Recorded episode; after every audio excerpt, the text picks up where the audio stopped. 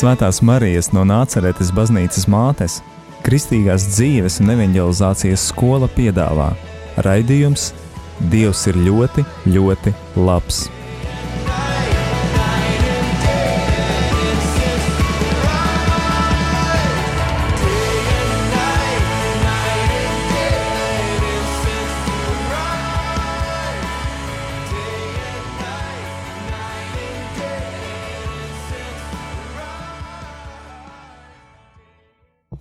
Labu vakar, cienījamie radio Marija Latvija klausītāji. Šobrīd skan Kristīgās dzīves un evanģelizācijas skolas raidījums Dievs ir ļoti, ļoti labs. E, Šis ir liecību raidījums, un šovakar mēs dzirdēsim liecību un uzrunu no e, Marijas Kristīgās dzīves un evanģelizācijas skolas dibinātāja poļu kapucīnu tēva Piotra Kurkeviča, kurš šobrīd un jau pēdējos 30 gadus kalpo Ukrainā. Lai šī uzruna mums katram dod sirdsmieru, dod cerību un atbrīvo no bailēm. Слава Иисусу Христу! Приветствую вас всех, дорогие друзья! э, Lai россияне, русские. slavēts Jēzus Kristus, esiet sveicināti, dārgie draugi, Мы сейчас, Krievijas как iedzīvotāji, христиане, должны arī соединиться, Ukraiņi. э, в молитве, Mums tagad kā kristiešiem в jābūt молитве vienotiem lūkšanā. Богу за мир, Lūkšanā но Dievam также par в mieru, молитве kā arī lūkšanā Богу Dievam, об этом, чтобы lai Бог Dievs dod дал uzvaru tiem, победу, э, kuru pusē ir taisnība. праведной стороне. А праведной стороной здесь это Šajā gadījumā есть, taisnībā э, ir Украина, Ukrainas которая- pusē, которая ничем kuri nekad nav не provocējuši sprovocировала Krievijas ielaušanos savā как teritorijā. вторжение России на свою территорию, Российской Федерации. Эм, и, Конечно, пропаганда российская будет говорить про какой-то Protams, национализм. Krievijas Я просто propaganda поляк, tur runās работаю par в nacionālismu, bet России gribu 30 jums лет. teikt, ka Я pats знаю, esmu что такое polis, национализм. Я strādāju читаю Ukrainā национализм 30 gadus. украинский, который Es zinu, уже kas сейчас ir более- nacionālisms. Par nacionālismu Ukrainā varu teikt, более ka tas attiecībā уважением и pret чувством vēstures по отношению к э, историческим varoņiem делам, нежели, ir ā, э, и истребление godīgs un других cieņpilns, наций. salīdzinot ar vēlmi iznīcināt citas nācijas vai iekarot И- и поп- tās актуальной teritorijas. попыткой агрессии, и попыткой истребить чужие нации, так? Или захватить их территории. Нет, э, украинский национализм, как под каждый патриотизм, он Nē, Ukrāņu nacionālisms, patriotisms ir virzīts uz nākotni, bet par to vairāk citā sērijā. Šī ir mana trešā uzstāšanās, kurā gribu teikt mierinājuma vārdus. Хочу также утешить этих среди вас, ро- ро- россиян, которые скорбят. за Pirmkārt, мир, arī скорбят за Украину jūs, и kuri скорбят šajā за brīdī, победу и добра. эм, Э, Ukrāņus да, un мы krievus, должны kuri молиться о skumst мире, par но мы должны notiekošo молиться о Ukrainā un победе pasaulē. украинских войск просто. Mums ir jālūdzās Если par бы, mieru например, un я par поляк Ukrainas видел, что armijas Польша, uzvaru. м, ведет несправедливую войну, я буду молиться о Piemēram, ja проигрыше es kā Польши. polis redzētu, ka Polija ir uzsākusi negodīgu karu, es lūgtos, lai Polija zaudētu. Tāpat arī tagad mums jālūdzās, lai Krievija zaudē šajā karā un lai pēc iespējas būtu mazāk upuru. Pirmkārt no Ukrāņu puses, kā arī no agresoru puses, kuri iebruka mierīgā valstī. агрессоров, этих, которые м, наехали на эту страну, мирную страну. Я по- подчеркиваю, jārabo, ja paļāk, ja polski patrioti, ja polski nacionālisti. Es vēlreiz atkārtoju, es esmu polis, polijas patriots, nacionālists, es te mierīgi strādāju 30 gadus. Jā, es esmu strīdējies ar ukraiņu nacionālistiem tikai tad, kad devāmies vēstures ekskursijā pagātnē. Bet par šiem 30 gadiem esmu saņēmis svētību, lai varētu šeit, Ukrainā, strādāt. Svētību no biskupiem, priesteriem, tāpat arī grieķu katoļu priesteriem, Это не подлинное strādājot настоящее galvenokārt Ukrainas rietumu daļā. господина президента э, Путина. Īsāk sakot, patiesībā problēma ir Putina kunga imperiālisms, его среды. viņa ģenerāļa un Kremļa И vides это единственный imperiālisms. повод, единственная причина этой войны. Поэтому приглашаю вас всех молиться. Но Tāpēc aicinu visus lūgties, bet lūgties par godīgu iznākumu. Š zaudējumi šajā karā krieviem nāks tikai par labu. Tas, ka Putina kungs pāršāva par strīpu un zaudēs, nāks par labu krieviem un Krievijas federācijai.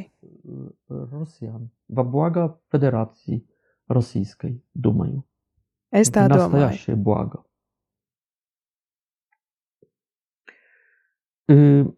Хотел бы в этом третьем слове про страх рассказать.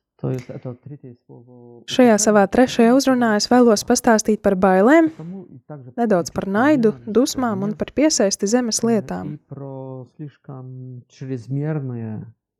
а, жажду чего-то земного. Э, Поэтому что хо- хочу тронуть эту тему, что вижу, как среди моих друзей Украинцев, Vēlos есть pieskarties ну, šīm tēmām, jo просто redzu, kā uz maniem не draugiem, даже не ukrāņiem un просто Marijas страх, skolas но kalpotājiem iedarbojas среди bailes. моих служителей в школе. Viņi Моих nespēja Я вижу, lūgties, как strādāt, сильно действует страх. gulēt, Они могут ни dzīvot, молиться, ни mīlēt, работать, ни lasīt спать, dzēju, ни жить, ни любить, ни читать поэзию. Они парализованы через этот страх. Viņi ir kā Vaļānie. paralizēti no šīm Поэтому bailēm. для меня это bet было es бы nē. унижение, если бы Starp citu, es justos pazemots, Jā. ja prezidents Putins varētu tik spēcīgi ietekmēt manu dvēseles stāvokli м, un manas jūtas, manu dienas kārtību. Так сильно влиять на, мо- на мою душу, на мои чувства,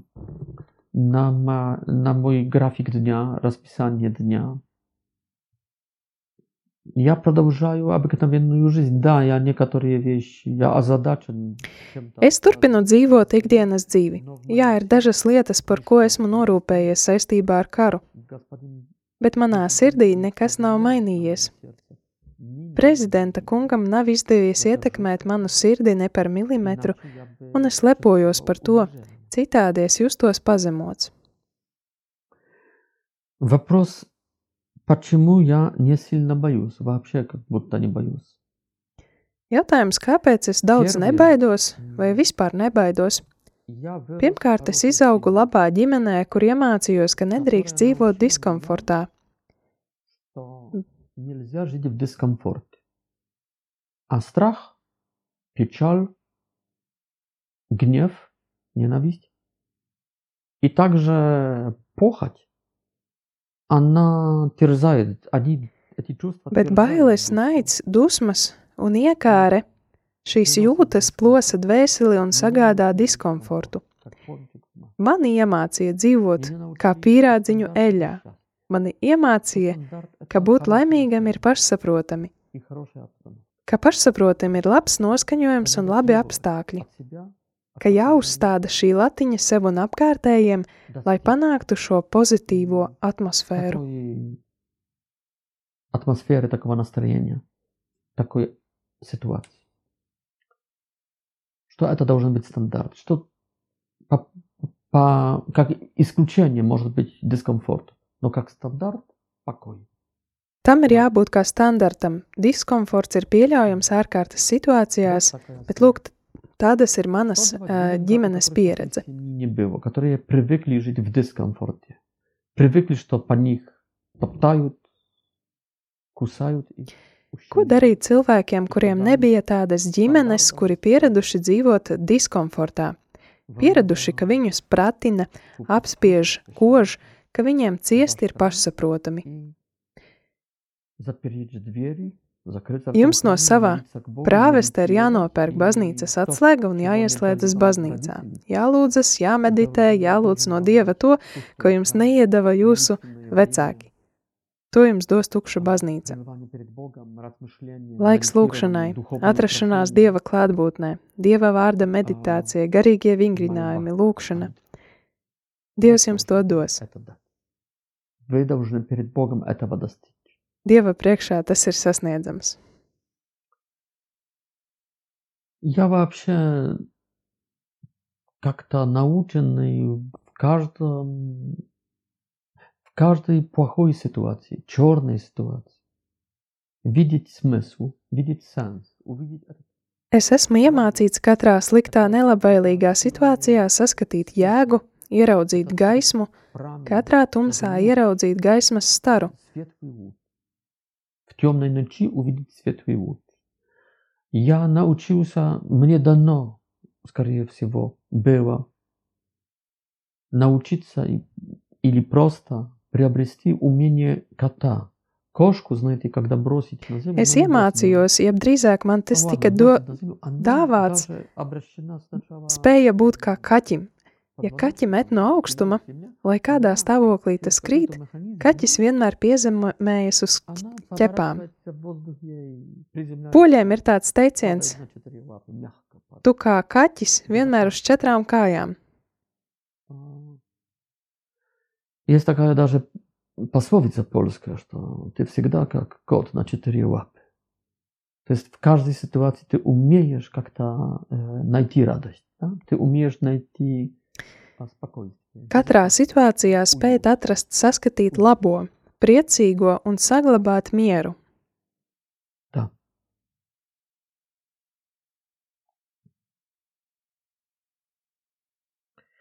Война это не есть, не есть трагедия. Война это есть несчастье. Мы, христиане, знаем лишь только одну трагедию. Это потерять Бога.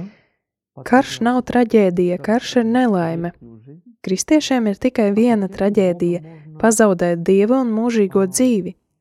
Pazaudēt dievu var tikai grēkojot pret svēto garu vai izdarot nāvīgus grēkus. Tādējādi zaudējam svētdarošo dieva žēlastību.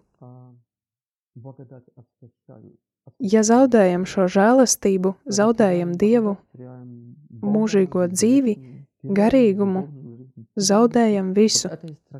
Lūk, tā ir traģēdija. А извините, даже если бы пропала Украина, но она не пропадет, она победит. Вы- Просто господин Путин, он не знает этого народа. Atvainojiet, bet pat ja pazustu Ukraina, tas, protams, nenotiks, jo Ukraina uzvarēs. Vienkārši Putina kungs nepazīst šo tautu, viņš nenovērtē un izturās ar nolaidību pret šo tautu, un tas slikti priekš paša Putina kunga. На какую мину наступил. Viņš nesaprot, uz kādas mīnas ir uzkāpis. И он не слушал наве- наверняка своих шпионов, он не слушал наверняка своих этих, которые информировали тоже. Ведь э, украинская войсковая разведка точно знала, что украинская армия м, Iespējams, viņš nav ieklausījies savos spiegos un tajos, kas viņam sniedza informāciju, jo Ukrāņu armijas izlūkdienesti zināja, ka Ukrāņu armija pēc 2014. gada notikumiem mājas darbus ir izpildījusi. Кроме того, думаю, что разведка русская должна была донести, какое настроение в народ. Вообще, какой это народ. Krievu izlūkdienestiem bija jānodod šī informācija, kā ir noskaņota Господин Ukrāņu президент tauta. наверняка Iespējams, eh, у- м, prezidenta kungs подумал, что padomāja, вот, ka э, viņš pats labāk pārzina такую situāciju. Viņa Он также priekštecis лидировал Staļins arī в neticēja России, izlūkiem un pieļāva kļūdu, jo neticēja karam ar Лидировал Vāciju. до последнего момента. Neticēja līdz pēdējiem, pat lika tos novākt un nošaut, bet velti. Зря. Ну ладно, это вот, в принципе незначительное.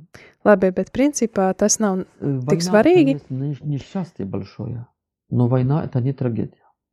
Поэтому только трагедия должна нас вести к отчаянию, потому что как раз трагедия, то есть потерять Бога и вечность, это есть и адская. Karš ir liela nelaime, bet karš nav traģēdija. Tāpēc tikai traģēdija mūs var novest līdz izmisumam. Должно нас вести Traģēdija ir pazaudēt dievu un mūžību, умеренным bez kā ir mūžīga elle, un tas ir mūžīgs izmisums. Dažādas nelēmes mūs noved līdz skumjām un sērām, asarām Э, un pazemīgām asarām. по- Почему я не боюсь, почему я не скорблю, почему я не сержусь на русских и на, м, и на господина президента? Kāpēc es nebaidos, kāpēc es nesēroju, kāpēc es Я nedusmojos немножко uz состарел. krieviem Не- не только un детство prezidenta хорошее kungu но Vladimiru? я то, что Es esmu переживаю, norūdīts ne tikai переживаю bērnībā, каждый augot украинский labā солдат, ģimenē, пережил в 1900 Bet ar līdzīgiem pārdzīvojumiem, ko šobrīd pārdzīvo Ukraiņu tautai, saskāros 1980. un 81. gadā Polijā, kad komun komunisti Jeruzalemes ieviesa kara stāvokli. Arestēja mūsu tautas patriotus, disidentus. A ja, kā ucenik liceja, nis sašau v podpolje bet es kā liceja audzēknis darbojos pagrīdē, iesaistījos partizāņu cīņā par Poliju, par ģimeni, pret padomju komunistiem, pret padomju varu. 15-17-letni ucznik liceja. To jest podpolna, my pieczatali podpolna, my, u nas była Bibliotēka pat polna. Darbojos tā, ko, kā to varēja 15 līdz 17 gadus vecs liceja audzēklis. Mēs pagrīdē drukājām, bija pagrīdes bibliotēka, mums bija pagrīdes universitāte. Я был на Streikojām, bija akcijas un sadursmes ar polijas policiju. по-русски допыта. Ну, Biju uz četrām stundām aizturēts uz nopratināšanu. и какие-то сомнения. Ну как, не мучили, Mani не nesita мучили, kā не manus мучили draugus, друзья. jo mans tēvs bija ietekmīgs apgabala direktors. Моего отца, который тогда являлся одним из более крупных в области директоров. Но, но я боялся, что будут избивать. избивать. Э, Они м, потом преследовали меня в лицее, да, я повторял один класс э, с причин политических. То есть был малым диссидентом. Но знаете, я жил около... Es, protams, baidījos no fiziskas ietekmes. Vēlāk licejā man bija pastiprināta uzmanība un politisku iemeslu dēļ nācās vienā klasē mācīties divus gadus. Es biju mazs disidents. No 1981. līdz 86. gadam es dzīvoju bailēs, bet šajā laikā es norūdījos un norūdījās manas sirds, manas jūtas. Когда пошел в орден капуцинский, францисканский, я уже не боялся, не боялся, что меня выбросят. И потом, когда я уже работал на Украине, я не боялся ни епископов, ни моей высшей м, monāšiskai власти. Я никогда сильно не боялся. Tad, kad es jau iestājos Franciskāņu kapucīnu ordenī, es nebaidījos, ka mani var izmest. Arī vēlāk, kad strādāju Ukrainā, es nebaidījos no bīskapiem, ne augstākiem mūku kārtas pārstāvjiem. Es jau biju norūdīts. более как бы повлияло на меня что-то другое. Я как раз в 81 году переживаю свое обращение к, Хри- ко Христу, но я всегда был верующий, но не сильно. А тогда я стал лично и сильно, и ревно, и вообще э, фанатически верующим я стал. Taču vairāk nekā visi šie traģiskie notikumi Polijā mani ietekmēja mana garīgā atgriešanās 1981. gadā. Потому что Христос Lai gan es skaitījos ticīgs, bet tad es piedzīvoju personīgas stipras attiecības ar Kristu. Kļuvu fanātiski ticīgs. Biju spiests pārdomāt daudzas situācijas, kurās piedzīvoju bailes, dusmas un naidu. Умер мне дедушка, jo Kristus to pieprasīja. Piemēram, bērnībā man nozaga suni. Šos divus mēnešus var izdzēst no manas biogrāfijas, jo bija sēras un skumjas. Мой брат Фикус. Умерла моя бабушка, ангел мой, который я любил и обожал. Kad nomira mans vectēvs atkal divi mēneši no bērnības, nokalta gumijkoks, kurš auga kopš manas dzimšanas, nomira mana vecmāmiņa, mans eņģelis, kuru es mīlēju un dievināju, un bija ar visu šo jātiek galā. Ar visām šīm skumjām un zaudējumiem es mācījos tikt galā kristīgā garā, caur jaunu skatījumu uz dzīvi, saliekot visu pa plauktiņiem, noteiktā kārtībā. Да. Sargā kārtību, kārtība pasargās tevi. Ответы, которые приносили свет, приносили смысл, приносили, приносили об- обетование Божие, приносили надежду, приносили победу будущую, приносили радость. Не только спокойствие, радость. Спокойствие от этого, что Бог со мной.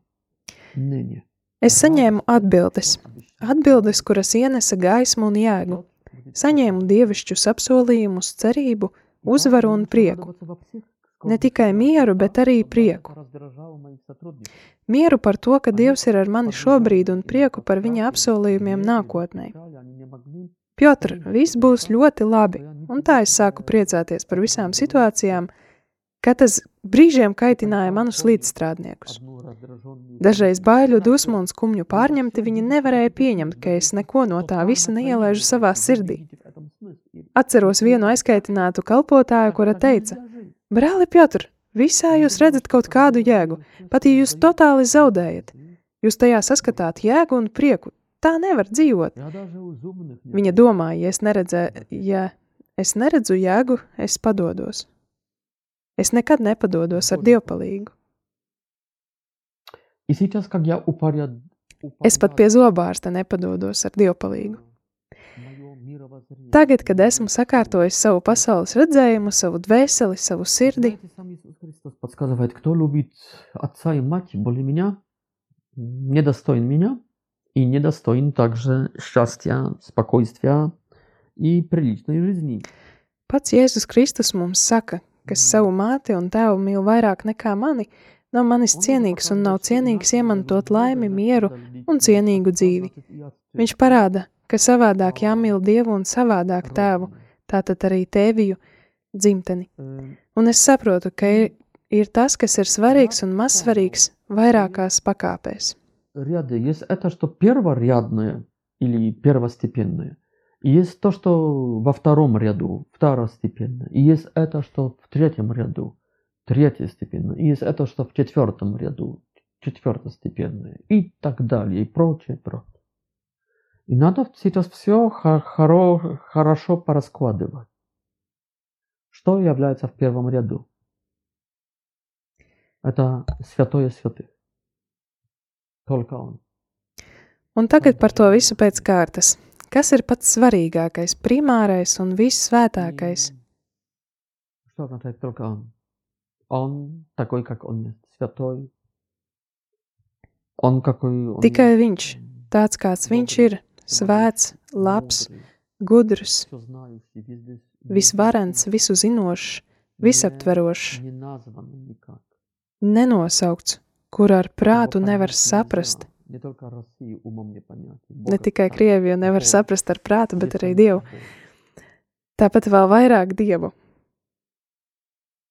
И там любовь его, там взгляд его на меня, и там обетование его для меня на сейчас, утешение, и на вечность спасение, то есть благодать. Благодать и мир. Tur ir viņa mīlestība, viņa skatiens uz mani, un tur viņa apsolījumi priekš manis. Tagad mierinājums un pestīšana, žēlastība un miers, miers un žēlastība, mierinājums un glābšana. Primārais ir nemitīga lūkšana. Tur nevar būt ne vārda par mani un manējiem, tā skaitā par mani un manu dzimteni, ne vārda par karu un mieru, Между прочим, про родину. Там ни слова про войну и про мир. Все замолкаю, все замолкает во мне, я только смотрю, только его слушаю и радуюсь. Ним радуюсь. Все, конец. Это первый ряд. Сейчас tur nevar būt ne vārda par mani un es apklustu, manī viss apklust, es tikai skatos, klausos un priecājos, tās ir Не primārais, прочь, ни мой un отец, viss. ни моя мать, ни мое здоровье, ни школа Марии. Второстепенным является, как я могу вознаградить тебя, Боже? Как я могу Tagad par to, kas ir otr, otršķirīgs. Joprojām ne Ukraina, ne Polija, ne mans tēvs un mana māte, ne mana veselība, ne Marijas skola. Nākamais svarīgais ir tas, kā es varu tevi, Dievs, atalgot, izpatikt tev, kā es varu tevi iepriecināt, kā es varu tev kalpot, kā es varu visu tev, kā varu izrādīt savu labvēlību, savu mīlestību, lēnprātību un pazemību, manu prieku, pateicoties paļāvībai uz tevi, vienkāršību un mieru. Тебе, для тебя скромность и спокойствие. СС.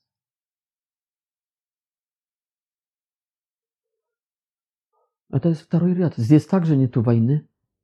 Здесь будет, скорее всего, любовь моя к Богу. А он мне скажет, а Zelenskого люблю, люблю Tā ir nākamā pakāpe. Te joprojām nav kara, te ir mana mīlestība uz Dievu. Ja viņš jautās, vai mīli Zeļenski, jā, mīlu un ļoti cienu, bet Putin mī, Putinu mīli, jā, mīlu, bet necienu. Viņš teiks, labi, bet lai es varētu izpatikt Dievam, man ir jāmīl Putina kungs. Es viņu mīlu un mīlu visus Krievijas karavīrus, kaut arī roku nesniegšu, kamēr tie nebūs gūstekņi. Хотя руки им не подам. Пока не станут пленными. Тогда подам им не столько руку, сколько подам им чашку воды. Стакан воды. Хорошо. Ради вас. Чашку черного кофе. Устраивает? Вот. Э, Tad drīzāk viņiem pasniegšu glāzi ūdens un ne, ne roku. Labi, jūsu dēļ pasniegšu melnas, tas ir melnas kafijas. Tas jūs at, apmierinās? Lūk, tas ir otrajā pakāpē. Labprātīga kalpošana Dievam, kā atbilde tam, ko saņēmu sākumā, sadzirdēju, sajūtu, Во uzzināju. втором ряду есть так называемые ради Бога а, поступки милосердия, касающиеся души. Vēl pie otrās pakāpes ir žēlsirdīga rīcība А в Dieva третьем dēļ, ряду bet вот rīcība, это kas attiecas uz dvēseli, ne miesu. Значит, здесь, в третьем ряду, я позабочусь, а я в третьем ряду услышу, что есть война. Bet trešajā rindā, jeb trešajā pakāpē jau arī ir tas, kas skar miesu. Te es beidzot sadzirdu, ka ir karš, un ka taisnība ir Ukraiņiem, bet Krievija ir agresors, un ka palīdzēt vajag Ukrainai, ne Krievijai. И даже если бы нападающей была Польша, я поляк, понимаете? Я был бы против Польши. Я, я держал бы сторону украинцев, помогал бы украинцам против моей родины. И это не Pat ja очень agresors būtu Polija, ņemot vērā to, ka esmu polis, es tomēr nostā, nenostātos Polijas pusē, es palīdzētu Ukrainai. Un tā nav nodevība pret dzimteni. Nodevība dzimtenei caur pašu dzimteni, kad tā pārstāja būt labvēlīga, miermīlīga un pati sevi nodod. помогать моему отцу. Наоборот, я должен как-то воевать с моим отцом. Да. Потому что Mātei ir jābūt miermīlīgai, tavs tāpat kā tēvija. Ja tēvs nav miermīlīgs, labvēlīgi noskaņots, man nav tiesību palīdzēt tēvam. Ну да. И Pretēji man здесь ir я jācīnās, должен jāpratojas воевать за savam Украину. tēvam. Dievs visu saprot, jo viņš ir taisnīgs. Но заметьте, что Un te man ir снайпер, jācīnās украинский par снайпер, Ukrainu. должен стрелять. Сначала он должен быть в любви Божьей. Во-вторых, он должен сам любить Бога и господина Путина и всех россиян. А в третьем ряду он должен стрелять а, в россиян. в Un te российских man ir солдат, jācīnās никогда par не Ukrainu. граждан. Ja es būtu snaiperis un Ukraiņu snaiperim Нападающих jābūt российских солдатов Dieva должен mīlestības стрелять pārpildītam, как, например, otrkārt viņam ir jāmīl Dievu un Putina kungu un visus krievus. перед бандитом. Un esot šī situācijā, viņam ir jāšauj uz krieviem nekā uz Krievijas pilsoņiem, bet kā iebrucējiem. Как будто Pret моя karavīriem jāizturas kā pret huligāniem un bandītiem, bet ar mīlestību. Враги россиян. Я вас люблю, но мне неизвестно, как тебя зовут. Тебя, которого я вижу сейчас в моем снайперском прицеле. Ты прости меня, заранее прошу, но я сейчас буду стрелять в тебя, потому что ты стреляешь в моих, чтобы через моих, через этот фронт сквозь... Pret karavīriem ir jāizturas kā pret huligāniem un bandītiem, bet ar mīlestību, it kā lūdzoties tā: Dārgie krievi, dārgie ienaidnieki, es jūs mīlu, bet es nezinu, kā jūs sauc. Jūs, kurš šobrīd esat notēmējis savā snaipera э, tēmeklī, es jau iepriekš tev lūdzu piedot, bet es tūlīt šaušu uz tevi, jo tu šauj uz manējiem, lai piekļūtu maniem tuviniekiem, manām māsām, vecmāmiņām, manai sievai, manām meitām, manai dzimtenei. Tāpēc ap, apliecinot mīlestību un viņus aizstāvot, man tevi ir jāneutralizē, lai nepieļautu tavu piekļuvi, piekļuvi viņiem un neļautu tev grēkot. Изранить, но не убить. Потому что любит, это его брат. Он стреляет.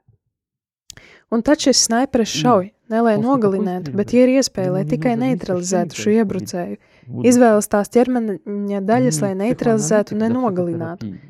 Jo mīl, jo tas ir viņa brālis. bet šauj. Un pēc tādas kaujas nav nepieciešama grēksūdze. Израненного, пораненного, с которым через 10 лет, ибо конце концов закончится война.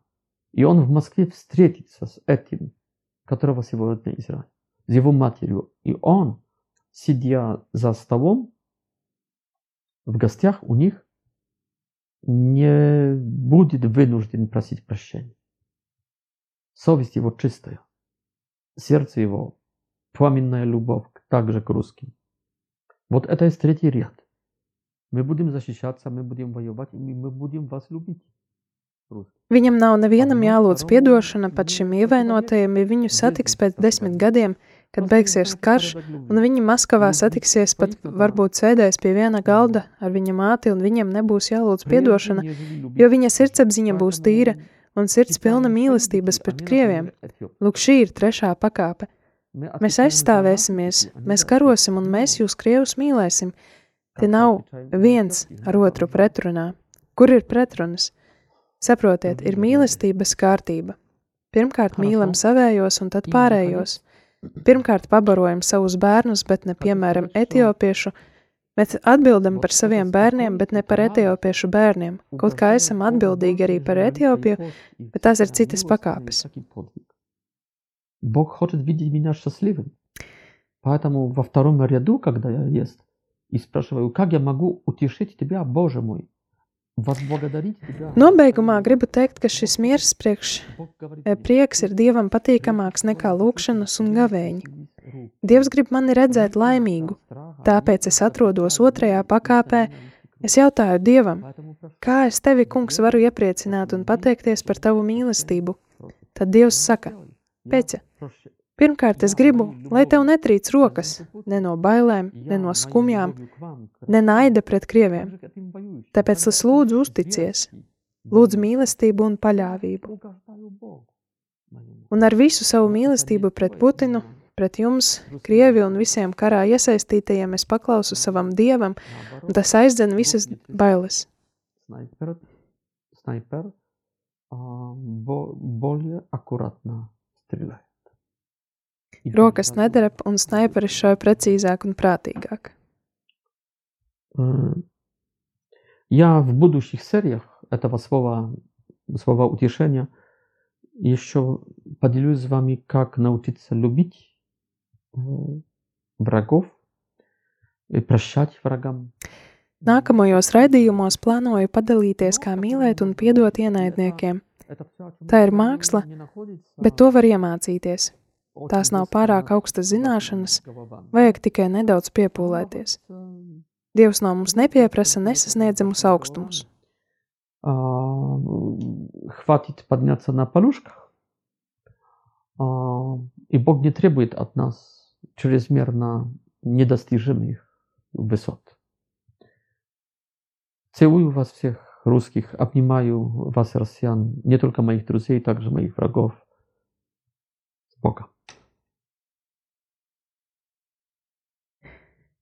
Skūpstu un apskauju visus, ā, ne tikai manus draugus, bet arī ienaidniekus ar Dievu.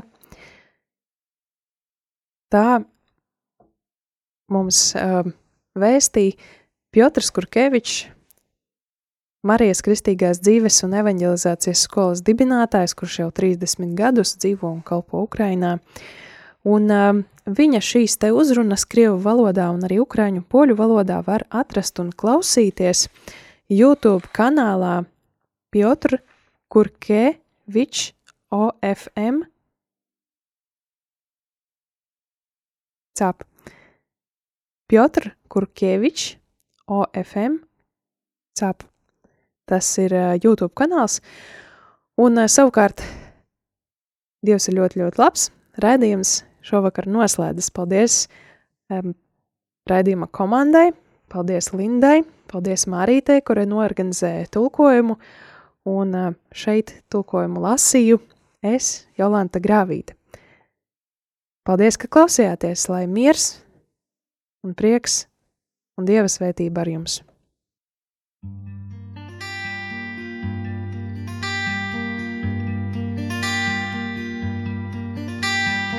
Maria Regina Mundi